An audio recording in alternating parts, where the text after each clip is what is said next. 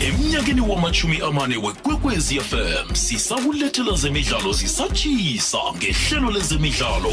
Fulela wanethwa Angikwamukele mlaleli ngikulochise namhlanje kungolosihlanu ehlelweni lethu eh, lacobelanga eh, ihlelo fulela wanethwa emhathweni kwekwez FM kusukela ngomvulo bekube ngolosihlanu sihlangana ngalesi sikhathi. Na namhlanje ke sicala iphela veke nje zikhona indaba zemidlalo zikhona izikhamba phambili ngapha ngapha hlala wena siyokuhlukana ngehour lesithandathu uzokwazi uzithola zonke eh, njengoba zinjalo. Kodwa ke ngizokuthoma la ngeza maguduva yabona ke zamaguduva iphela veke le na umseula Africa uthanda amaguduva ngiyathemba ukuthi amehlo akho ke lapha International Convention Center eEast London. Ngosondo ngosondo uSivenathi noNtshinga uzabavikela unongorwana wakhe eh kokthoma unongorwana weIBF Junior Flyweight eh uzalwa laba alwa lapha ke eh, no Reggie Suganopho lapha ePhilippines eh, balo ngomgcibelo. Unontshinga uneminyaka emachumabili neminyaka emihlanu wathumba unongorwana lo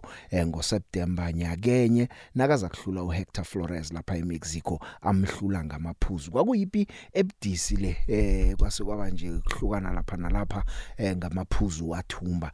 Unontshinga ke nguye yedwa umSouth Africa ophethe unongorwana kenye yenhlangano engezikulo nezazisako ephasini. Uliphethe lapha ke weIBF nguye ke esinaye. Uzokukhumbula ukuthi eh, uzolani thethe eh, kwatholakala ukuthi kunesidaka muzo emzimbeni wakhe eh bathi no sifuna kuthathwe iB sample B sample yabuya nayo yaba positive. Njeke ucalene nokujanyiswa iminyaka emine uzolani tete bese ngikutshela nje ngoba ngomunye ke umSouth Africa naye esizikhakhasa sakhulu eh ngaye ke zamaguduva njengoba sengisithi unontshinga nguye yedwa nje ngoba uzolani tete indaba yakhe isajamileke. Manje kuyokulwa lapha ke eh, noSukanopho. Sukanopho uyathoma ukulwa ngaphandle kwenaga yekhabo. Njengoba ezala eSouth Africa sazi ke ukuthi uza kuthoma kuhle na namtjana uza kuthoma kanjani na. Na ucala konje ayisimuntu godu eh onamaguduva abetha ukuthi mhlawumnye ama knockouts ama knockouts akasimaningi na ucala i ratio yakhe i31% eh ama knockouts anawo i ratio nontshinga umuntu kwobetha kuzwakale i ratio yama knockout kuyi 82% kodwa ke lo mswa uPhilippine ayisokunyazwa ke umuntu oboxako eh ababethi maguduva babahluka kukhona abathi no laba ngababetha vele ukuthi urabhalala kukhona abangakurabhalalisiko abakuteka bekuyokuphela ipi eh, bathumbe ngamaphuzu basolo nje bazigedlele wona. Wena mhlobo loyo ke eh, lo wePhilippines asazi ke ukuthi kuza kuthumba abani kodwa ke sabe sicalile ngosondo ukuthi kwenzekani. Kanti ke na ucala khona ngaphandle kwabo nje kuma undercuts eh ya khona lapha ke ikutani ye flyweight eh ku IBF Intercontinental Continental. Ngikhuluma la ngonhlanhla tjiga eh ukhona lapha ke ikutani ku SA bantamweight uRonald Malindi uzabe asilwa. Eh ikutani lapha ku mini flyweight eSouth Africa ubangile nyangeni naye uyalwa.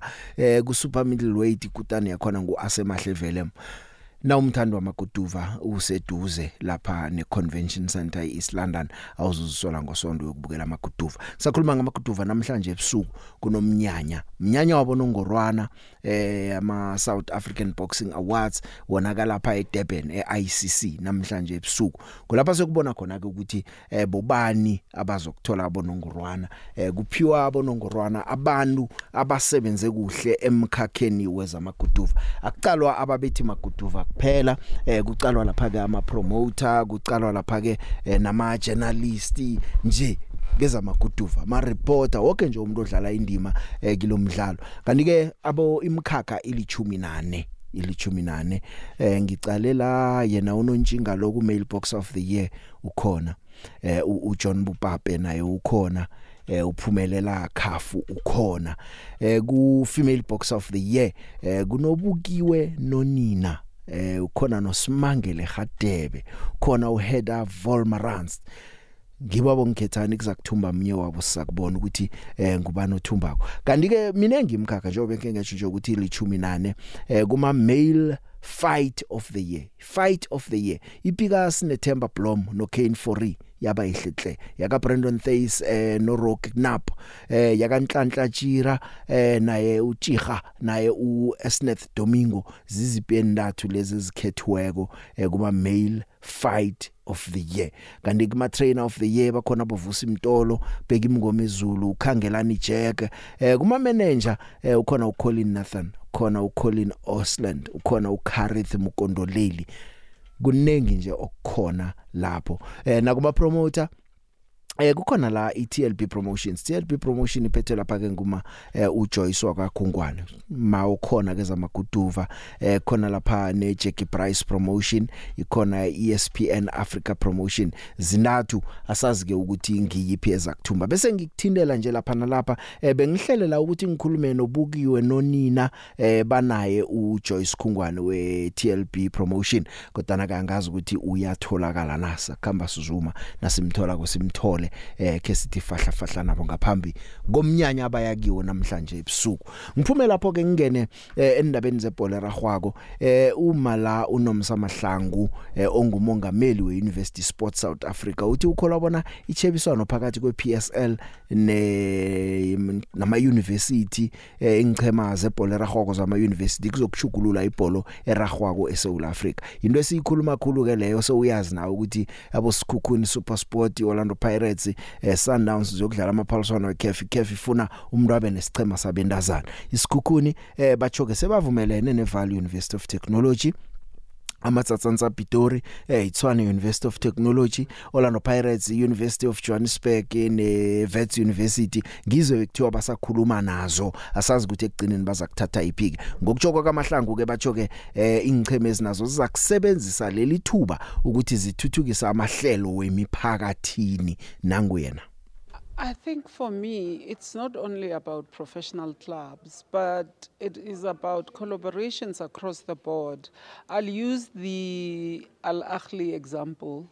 Al Ahly has a basketball team, they have a volleyball team. So I think it, it's really important for, I would say, business owners, because professional clubs are businesses, to look at diversifying their products. Because at the end of the day whilst you have a football team what stops you from having a basketball team? Because they have a responsibility of contributing towards their communities. And by having these different offerings it would really help a lot of the children within the communities. But over and above the helping of these children, it will also alleviate the social ills that I spoke about earlier on.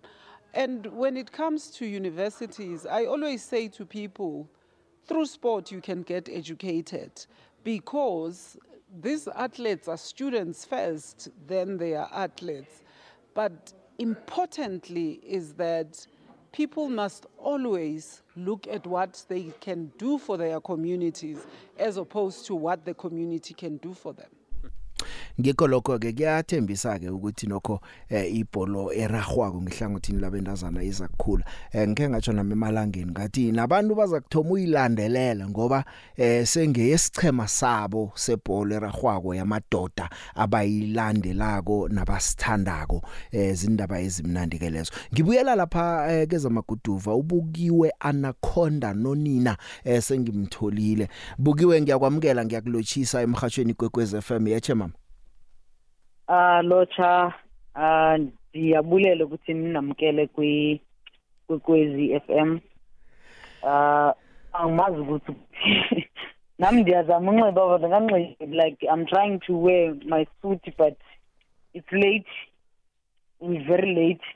ya eh bukiwe nje umuntu ulungiselela uya kuma awards sikufonela Eh. nje uyambatha uyanciba uchinga emnyanyeni wama awards. Kafeatureana nje eh asesithi fahla fahla singakubambezeli uzizwa njani ngokunominate wagodu? Nangikhumbula kuhle ngo2018 wamthumba unongorwana webest female boxer of the Na year. na 29 na 2019 yes. kwafika icovid yachakaragana isizinto nje sibuyele godu nominatiwe denominator kayi-four yazi andazi nibiza ntoni nge- nge- ngesindebele. And and i-west i-west party u u u bathi bathini umalume o- u- it's like ubaba womfazi wami ndebele so kumele ngifune isindebele. Ah manje awusithathi serious. U- uthethe emandebeleni mara usazi nesindebele. Ndi- ndiyazama ndithi ndi- ndiyazama. U- u- ubhuti wami uthemba. Mm. u- uyayazi ukuthi ndiyazama ngithi Okay. Mara ndi ndinominate kayi-four. Ya. And ndiyithathe kabili. And no ngizoyithatha ehambi le. Yini eku e- e- e- ekupha ishow leyo ukuthi uzoyithatha ladies ye eh mhlawumnye na uqala emva nje izipho ozilwileko kule period le until lama nomination. Ngizo mhlawumbe ezikwenza ukuthi ube nethemba lokuthi vele yokuthathwa nguwele um ngikhumbula they after lockdown ngishonelwe ubaba ngashonelwa imanager yami then mangibuya. Mm. ngabuya ngabuya nge-full force. Nga-active angithi Yeah. banominate abantu because ni-active active ya so ngivele nga ya ngivele nga-active more Mm. mangibuya. Ngathi hey isquinchi lesi ndifuna ndifuna into yami again. Ya so ah ah ah.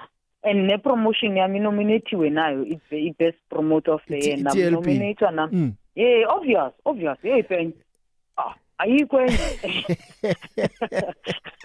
Niya ngokukhulu Ayikho enye. ukuzithemba. Eh bukiwe msinya nje njengoba uthi ukuthi uyanciba ufuna ukuya khona. Eh, tshela mhm. umlaleli ukuthi ubelethelwe kuphi wena ungibani buyapi ubukiwa nina uzale- uzal- uzalelwe.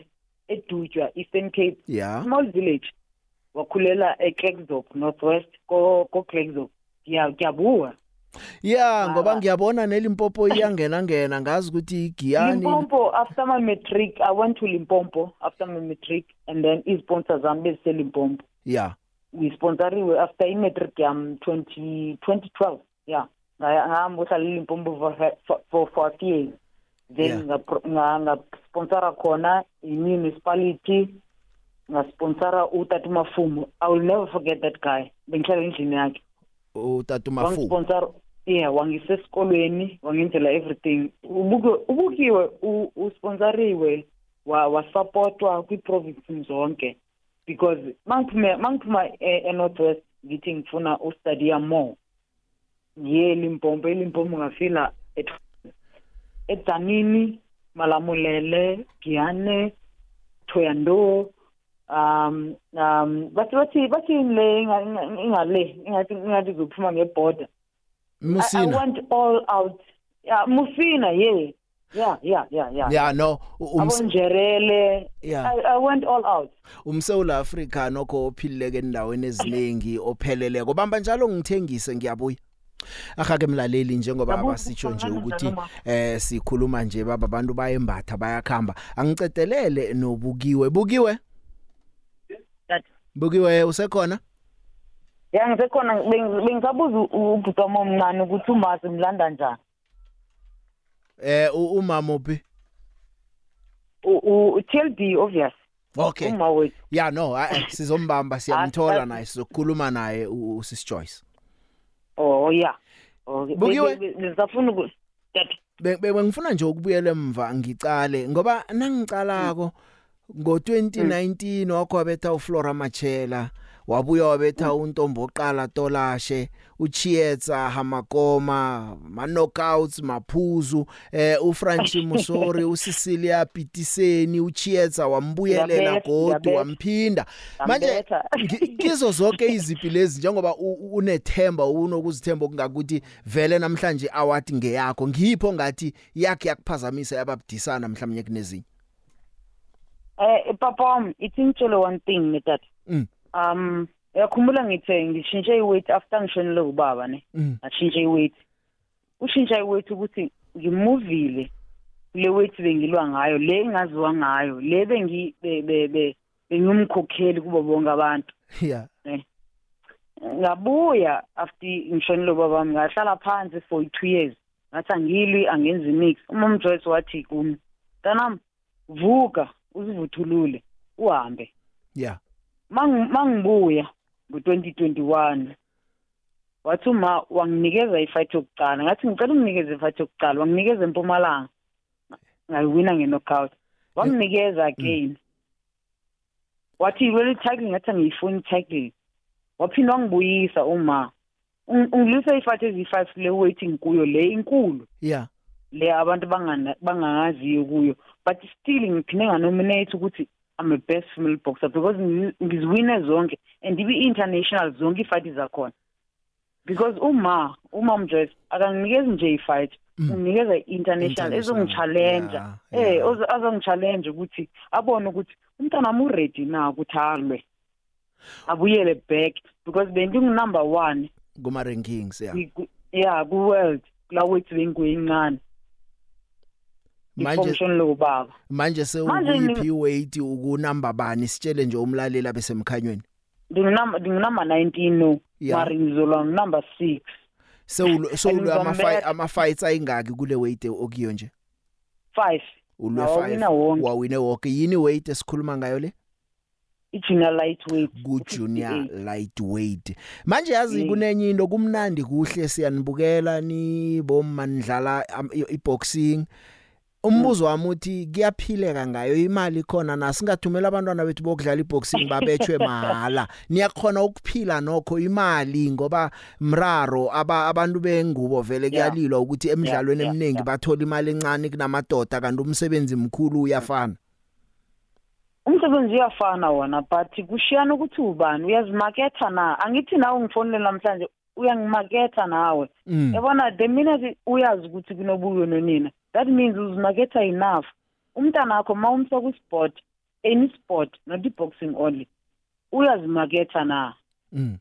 uzokhuluma uzokhuluma ngabantu kabi or uzokhuluma kahle ukuthi ukhulu- ukhule njani ukhuliswe ubani? Mina ubo- ubaba wami mina ngimbhele ngibele ngimbhale nasengalweni yami because ngi-proud ngaye. Ungikhulise kahle ubaba.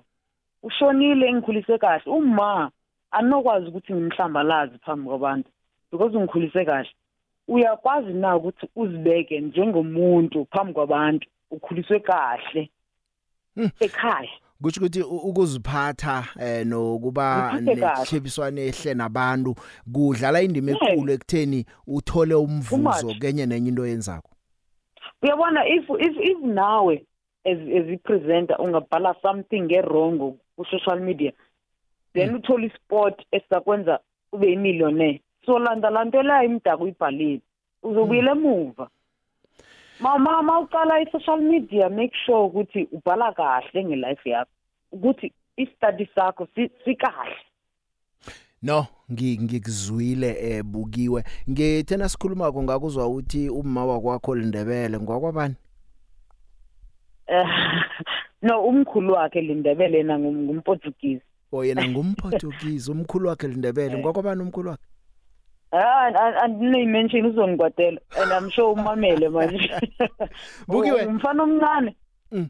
Uye uye akafuni ba famous. Oh. Kuba like yintwana ungakulinga unimention. Yewena ntana ungakulinga unimention kwinto zakho. ya yena Ne-pictures uyazi zethu ukuthi is- angizifo- i-celebrity nguwe hayi yena ni Na no ni ya usuke ebukhosini la endebele usuke ebukhosini so ngiyamsaba. bukiwe ngikuzwile okuhle kodwa namhlanje ngicabanga ukuthi nasikhuluma nawe iveke zako sabe sikhuluma sithi uphethe iaward Sithi sithi siye ekhaya. ngithokozile ukukhuluma Ngiyabulela. nawe uphuma ukhona lapho akekho uma manje ngihleli ngihleli ngihleli ne nomntana wakhe but akekho uma but ungibulise ungibulisele ngifuna ungibulisele ku bathi bathi ubani u u- u uthembisile Thembisile Mnisi or uthembisile Msiza? Eh angazi luku sport uku sports la emhathweni Mm. Thabi Mabhena ngubetha Giana uthembisile umuntu ohlala en en en interviews la ku Kwekwez FM eh. Okay. Ngizakhe ngibuza ukuthi uthembisile lo vana ukhulume naye ngibani mawuqeda uthi uthi ungibulisele kubo. Ngithi Then ubuliswa ungibulisele ungibulisele kuyo yonke ifamily yakwama yakwama shikho lapho. Yakwamashiko eh sithokozile ke ubajamele kuhle urepresent and lapho and u- and uwine and- and namhlanje ndiyayazi ukuthi ndiyayithatha le award ngizoyithatha ngesityle no ngi- ngi ngi- all over ngiyathatha ngesityle sabe sikuqalile sibone Ngi-happy. ukuthi wenzani. Ngihappy ngiyabulela. Enkosi. I-hour lezemidlalo ukwekwezi fm nobig joe. Isimbi yesihlanu itsho ukuthoma kwe-iri lezemidlalo ukwekwezi fm nobig joe. Kukhanya ba. Ya siyaraga mlaleli bese ngithi ngiyombuza uThemsile kodwa nasengiyathola ukuthi no man ngathi uyasiphambanisa negwala gwala khona uthembelihle ngale. Mhlawumnye ufuna ukutsho njalo man. Eh nakathi uhlakhuluma naye nje nokho nangabulalele naye hayi. Bukiwe uyakulochisa lapho emnaka ngino Joyce uJoyce Khungwane eh umphathi uyipromoter eh uphethe lapha ke iTLB Boxing Promotions. Ngiyakwamukela ngiyakulochisa emhathweni ma?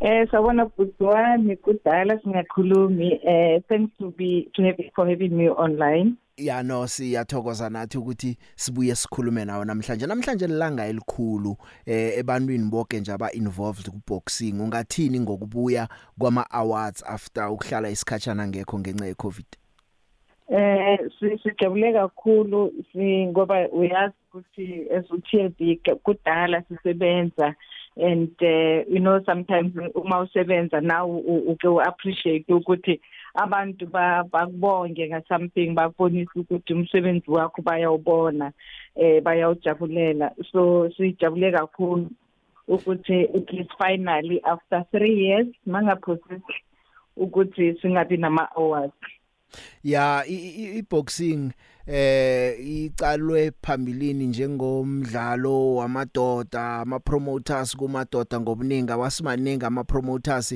eh waboma ungenile kile kilomkhakha wokupromote ukupromoter ngiyakhumbula na uthomako eh wawubambisene nolihlohono lo hands of stone lidwaba ngebhadi ke sekasichiya ephasini kodwa na usasele na nje usaraga nayo. Kunjani kulomkhakha weboxing na umuntu onguma Eh akukho lula eh, njengoba wazi wena bhutwami ukuthi into eganingi le sakhulwa kuthiwa ngiyamadoda ayi eh akubi lula especially uma umuntu wesimama. But mina ngingu-Joyce Khumwane eh ngiyazama ngiyalwa ngakonke. Ngoba eh kuphuma kuwena. Into makuyakho mawuyithanda uyenza ngothando and angiboni ukuthi ungahluleka ku-achieve. That is why namhlanje uh, uTLB is one of the nominees mm. for mm. best promoter of the year. Ukhethiwe bengikhuluma nebox yakho naye ubukiwe. Ukubiza ngomma uthi uma makakhuluma ngawe eh kuyatsho nje ukuthi ichepswano lihle. Eh ngikhumbula ukuba nguwe. Eh o hosta EP yokthoma ngemva kwesivumelwano seBoxing South Africa neSABC eh kwaba njani nje ukuthi i ground breaking agreement enjalo nayibuya konje ithoma kube ngeyakho ibout ekuthonywa ngayo? Eh kwakumnandi kakhulu because ngiyake ngiswenke ngitshela abantu ukuthi TLB leads and they always follow. Uma ukukhumbula ukuthi nale indaba yama celebrity boxing yaqalwa ngu-TLB and ngabona abanye abathatha ama chance after thina kodwa ayiphumelelanga. So ngithi mina we we grateful and sibonge u-BSA no SABC ngale chance basinika yona ukuthi eh sibe bokuqala ukwenza i-tournament eh after the MOU leya signiwe BSA no no SABC eh yahamba kahle kakhulu abantu abaningi bebajabulile. Eh namhlanje nje abantu basakhuluma ngayo ukuthi yes eh Efland Park bekumnandi kazi Hey, nge-Freedom Day celebration lebe ibanjelwe khona la e-SABC EP. Yes, yes. And then kokumnandi na ukuthi ma uwenze something abantu babuye basho ukuthi a a eh beku right usebenzile kumnandi. Sis Joyce uwabambile ama boxing tournaments amaningi eh kuyakufanele ukuthi namhlanje uwine as promoter of the year? Yes eh ngi ngihlale ngisho ngithi actually it was long overdue. Eh mawuthi uyabheka imisebenzi eyenziwe uTLB I mean even during i-COVID Mm. i-TLB uyena kade emile enza sure ukuthi at least ama-boxer ayakwazi ukulwa nabo bakwazi uku- ukuthola imali yokuthenga izinko. Brotho nithi brotho. Brotho mm. Bathenga ubrotho nejamu. Ya ku- ku- kubhayo bubble nokho wena bowunande ubafaka abantu balwa ngiyakhumbula. Eh and Be- eh, ba- abanginiki kufanele ukuthi bachaze ukuthi hayi usibeke kuphi u-TLB Ngibuze ubukiwe omunye umbuzo ukuthi as much as abantu sithaba ukubabukela nabalwako siba favor abantu bagcwala kuba mnandi are they making a living? Bakhona ukuphila ngeboxing na? Ngase ngibuze wena nje njenge promoter nokho lokho abakutholaka abantazana abalwa kwabo yinto nokho engabenza ukuthi baphile noma sebacedile ukulwa? Eh besixoxa nobhukiwe ukuthi ngoba naye seka 30 plus mm mm so sizama ukulungiselela ukuthi masekathatha umhlala phansi ku boxing angayenzani ngoba uma ungasazi akuna ukuthi ungayenza imali and eh, kuyafana nakusoka and namanye ama sporting codes so sesiqalile ukuprepare ukuthi uma seka retire naye uzobona ukuthi enze njani. Mhlambe abe utrainer mhlambe ajimisa amanye amaboxer noma abe manager but uh, unfortunately akusicareer yokuthi ungaze u- u- u- uye ku pension uloku kuyona. Mm kusho ukuthi kumele na ucedako ngoba vele boxing ulisa ulapha kuya ngokuthi wena ilongevity yakho injani? Kubo 35 kuya ku 40 uyalisa. Ene lapho Ah. khona impilo ithomako uba nefamily nabantwana baye enkolweni yokinto So- so uyenza konke. so kusho ukuthi akusindo umuntu angayenza yona yodwa kumele umuntu aqale nokhunye kumele abe ecade neplan. Sisijoyce ngithokozile sizakubuya ngelilanga ke sicoce sinawe sithemba ukuthi next time nasikhuluma nawe sizabe sikuthokozisa ngokuthi uwine iaward namhlanje awu ngibuya nayo iphila Mm. Siyakuthokozisa all the best. ngithokozile ngithokozile awuthi ngizilungise ngibe muhle Yalungisa nobukiwe utsho njalo uthe lapha khona pha uyalungisa yo. okay Ngiyathokoza. okay sithokozile Your call has imidlalo ongayilindela emhathweni ikwekwezi FM ngomhla ka28 kuJuly bekube ngomhla ka6 kuAugust yiNetball World Cup eICC Arena eCape Town. Lindela imisikinyeko yonke le. Ngisiza sibale. 5 Five, 4 four, 3 three, 2 two, 1 one. ngomhla ka28 July bekube ngomhla ka6 kuAugust 2023 yiNetball World Cup eCape Town. Uzoyizwa poro bunqopha #we love it here for the love of the game. For the love of the game. i-hour lezemidlalo ukwekwezi fm nobig joe. Isimbi yesihlanu itsho ukuthoma kwe-iri lezemidlalo. Ukwekwezi fm nobig joe.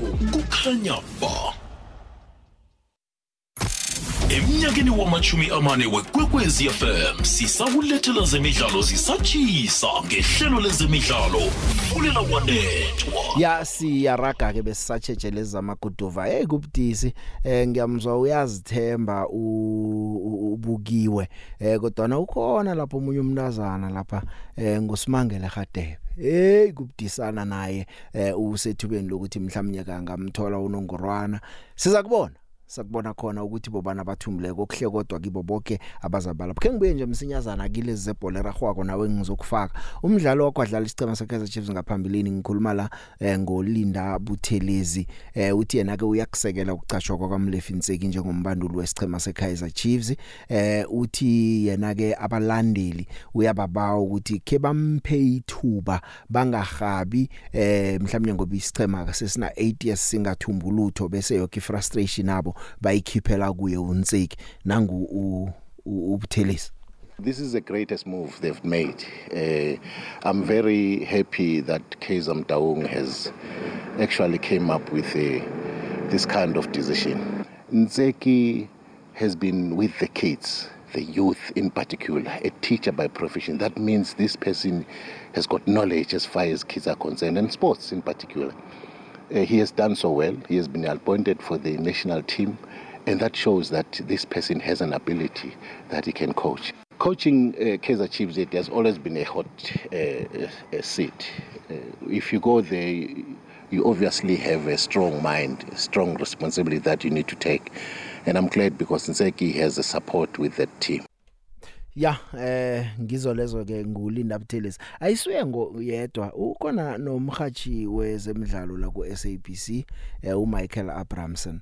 uAbramson naye batsho unseki lo akhaliswe ke kudlale isizini ithome abantu bakhona abakhuluma ngaye. He needs to be given a chance, but I know Chiefs fans are getting a little bit frustrated. No trophies in eight years, so it's been a, a long time coming, and he has to produce. There's no doubt he's got to produce quickly because if he doesn't, the fans are really going to get on his back. He's obviously worked with Arthur, he's worked with Dylan Shepard, so he knows them well. So let's give him a chance and see how he does. But if results are not forthcoming early, it's going to be tough. South African football needs Chiefs to be strong. I think we need a strong Chiefs to compete with the Pirates and the Sundowns. And to have seen what we've seen in the last few years is not acceptable as far as Chiefs fans and people are concerned. So I just hope that it's the right appointment, but no doubt the results will tell us.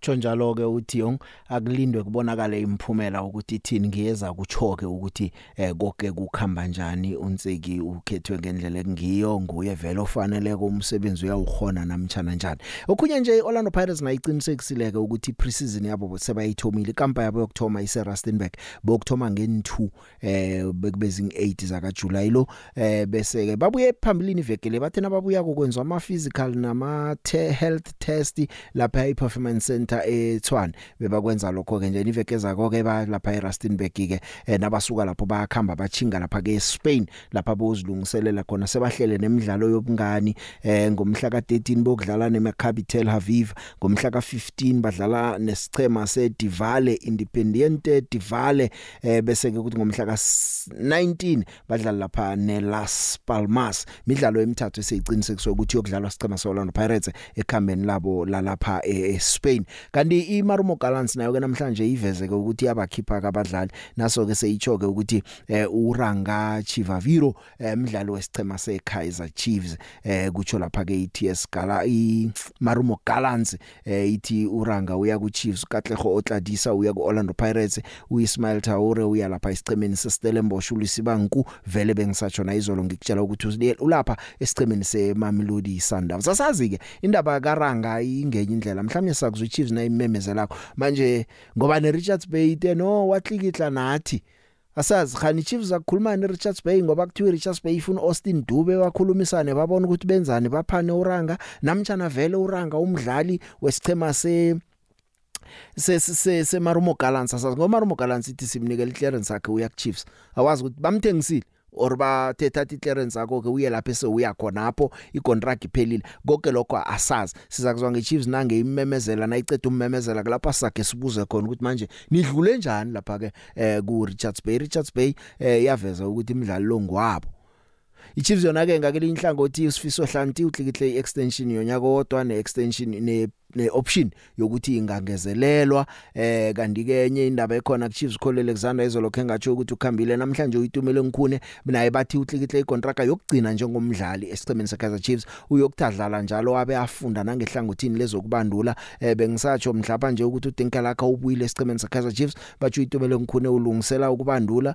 uyokusebenzana nemarketing department esicema seKaizer Chiefs njengomzenda. Sesekuplanwa ke ukuthi nakaceda ko icontract le eh, mhlawumnye ke bese usebenza ukwenza nesichemeni seKaizer Chiefs. Ezibhlungu ngezikale bohang manyama at the age of 32 beke phase ebholeni ragwako umanyama ngebanga lokulimala eh okungapholiko awa batsho kuyabhala akabeke phasi. Ngumanyama nje ngezinye zendaba eh, ezikhona namhlanje esikhamba nazo. Isicema seGolden Arrows sona simvalelisile uPule Mudi na uPule Modi naye kuthiwa uchinga lapha ke esichemeni seKaizer Chiefs sesakuzwa ngabo ke eh, nabamemezelako. Kanti noCichimpi ufikile eSouth Africa ngikhuluma la ngombanduli wesichema eh, lesi samazulu. Ibanyana banyana iyadlala ke ungakhohlwa idlala ngosondo. eh idlala umdlalo wokuvaleliswa badlala lapha ke nesicema seBotswana. uDesirel si njengoba kuhlatshwa nje ukuthi iBotswana lemana ikagcini ngokwanele ukuthi isingalungisa ngayo iphaliswano leBigri Pass uyasivikela isiqindo sibatshe ezinye inaga bezingafuni ukuza zizokudlala eSouth Africa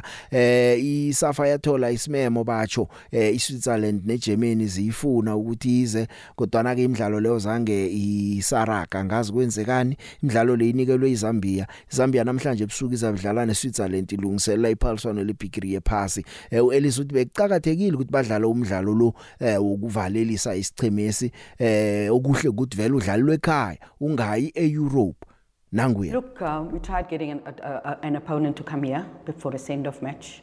Um, unfortunately, we could not. Um, a lot of countries are having um, send-off matches, and those that are outside the FIFA window, um, very difficult because they say they don't have their best players. Um, you know, we've sent out a, a couple of invitations, but unfortunately, we couldn't get an opponent that we wanted. Uh, but we also know the resistance that Botswana can bring and can show. And hopefully we'll get enough out of this game, um, you know, because the objective is obviously to win, but also to see the things we've been working on, to make sure that certain things that we worked on, that we see that, um, you know, going forward. Because after that, we still have quite a couple of days or a couple of training hours to make sure that we get it absolutely right. Because the next friendly um, in New Zealand is Costa Rica, where we'll also see how far we are uh, with a few days to go. Well, it's important that we wanted to play home friendly, and a lot of the countries did not want to come to South Africa to play home friendly because they wanted to play in their country as a send-off match, and that has been the difficult part, getting a quality opponent to come here to play a, a send-off match because we also need to say thank you to the fans, we need to say thank you to the people of South Africa before we leave, you know, to make sure, you know, that they see the team and they get to interact with the players after the game, and that's the unfortunate part that many countries didn't want to come here because they had their own send-off games. Mm-hmm. Did maybe commercial interests also had to do with part of it because you've been very busy with uh, off the field stuff as well, trying to juggle preparations uh, in the past few weeks? Look, I don't think it had anything to do with all of that. Um, you know, in the past we've been busy in camp sometimes, but not as busy as it is now. But I, come, I think it comes with also being African champions and now going to, to, to, to the World Cup. And I think it's fantastic that player stories are being told. Look, we've worked on a lot of things. We know the opposition is going to be slightly different to what we're expecting. But we also want to see, uh, when, primarily when we win the ball, what do we do? You know, that is one of the key areas that we've been working on. Also, um, at our set pieces, um, if there's a set piece and they come up with it, we've got to be better. But before even thinking about the set piece, we've got to make sure that we don't give one away. You know, uh, I think that's going to be key. Um, you know, not conceding early, um, making sure that we stay concentrated.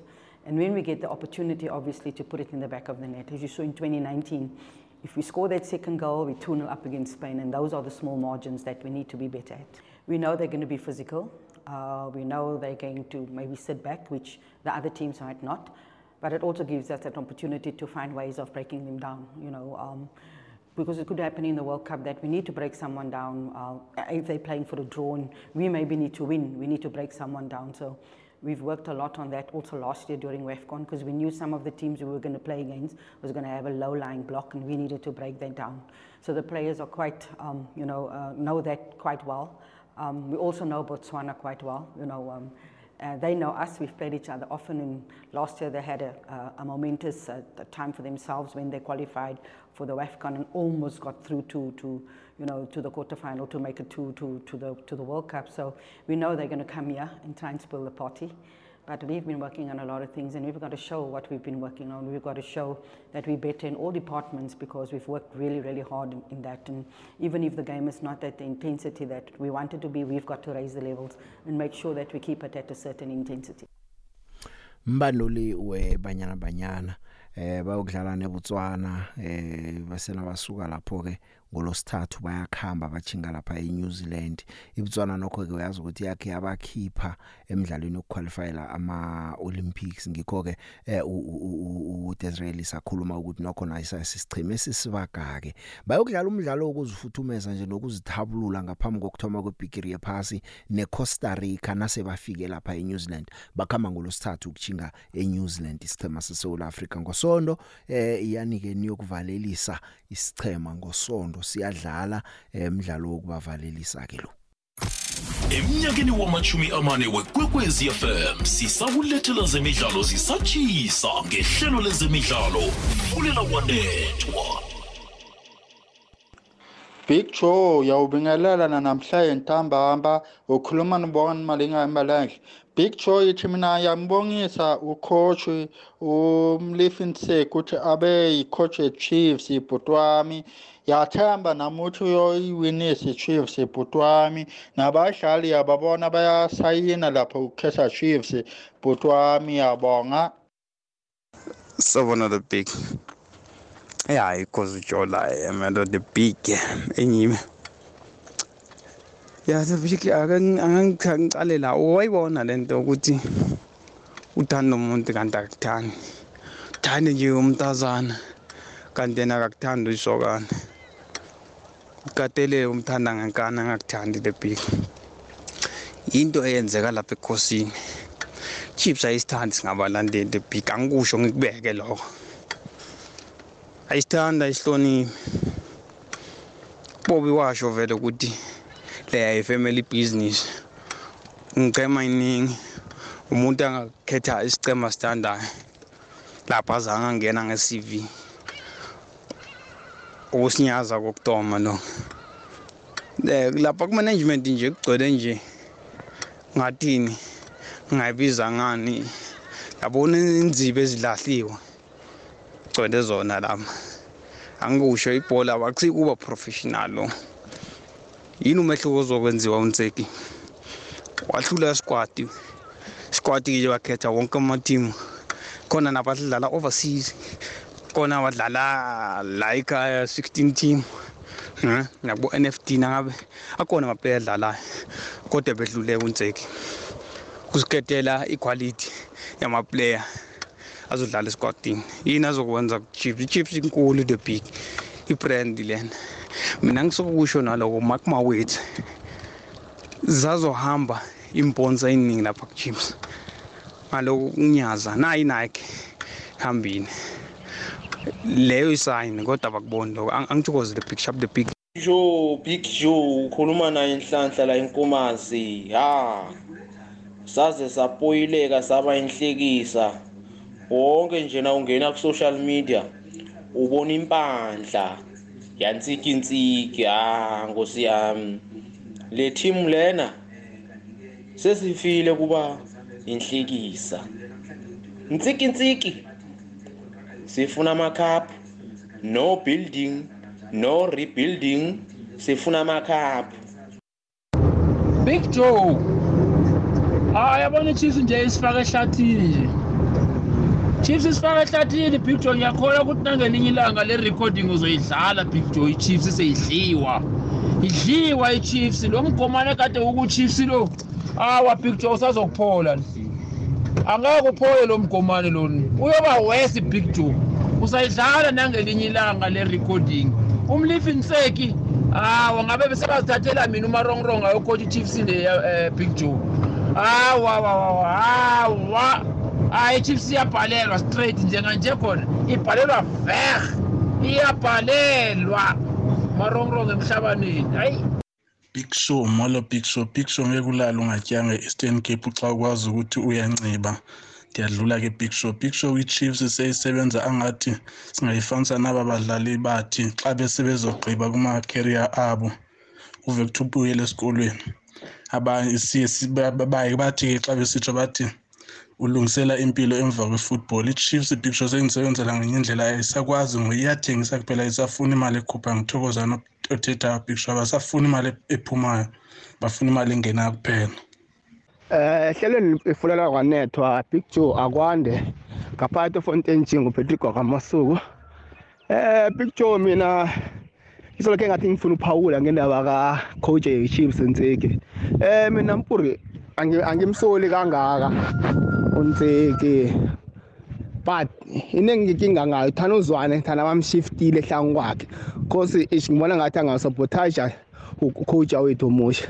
So nene picture ngithi ke ngikubuze ukuthi kana ama-sponsor kanti akhamba njani? Because ngiyabona i-sponsor se-chips zitsha ikapa.